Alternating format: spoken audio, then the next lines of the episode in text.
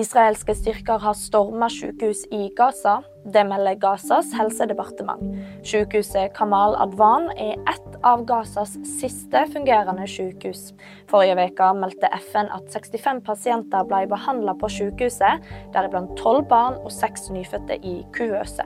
FN og Verdens helseorganisasjon ber at sykehusene i Gaza nå blir spart. Klubbpresident går av etter vold.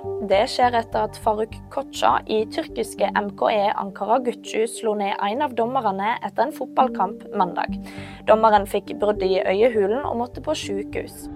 Fjerne amerikansk godteri fra britiske butikker.